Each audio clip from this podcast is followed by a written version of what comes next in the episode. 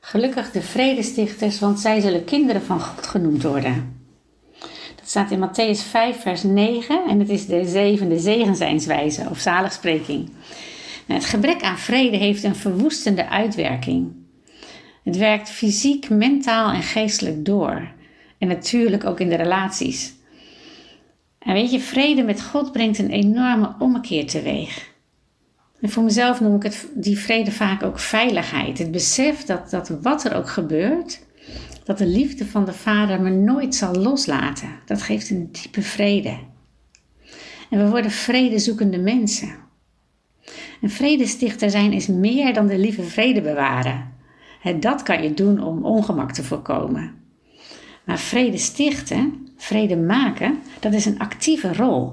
Soms moet je een vechter zijn. Iemand die de dingen oprakelt om bij het echte issue te komen. Zodat je samen kan uitspreken en oplossen. En dat vraagt moed. Er is dus verschil tussen vrede stichten, maken en de vrede bewaren. Het gaat verder dan de afwezigheid van conflict.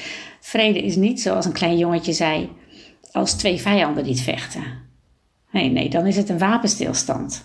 Vrede is uh, vrede in de relatie die komt als de waarheid onder ogen is gezien. En issues zijn opgelost en als de partijen elkaar weer kunnen omarmen. En misschien ken je de cartoons van Charles Schulz met Snoopy. Dan ontploft Lucy en die roept: Ik haat alles en iedereen. Ik haat de hele wijde wereld. En dan zegt Charlie Brown: Maar ik dacht dat je innerlijke vrede had.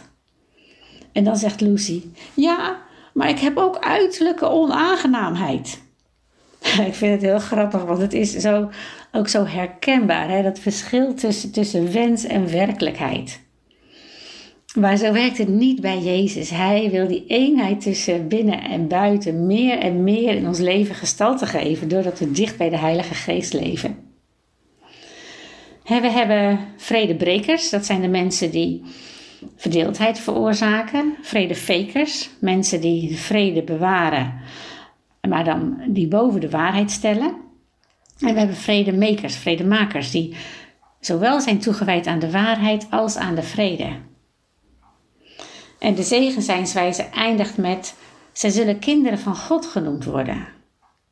Hoe komt het dat vredestichters kinderen van God genoemd worden? door vrede te maken en de verschillende partijen bijeen te brengen, lijken we het meest op de Hemelse Vader. We doen het werk van de hemel. Nou, dat lukt niet altijd in deze gebroken wereld. Maar onderzoek je hart en de richting die je hebt. Dan ben je in lijn met wat de Vader wil. Zijn zegen om vredestichter te zijn.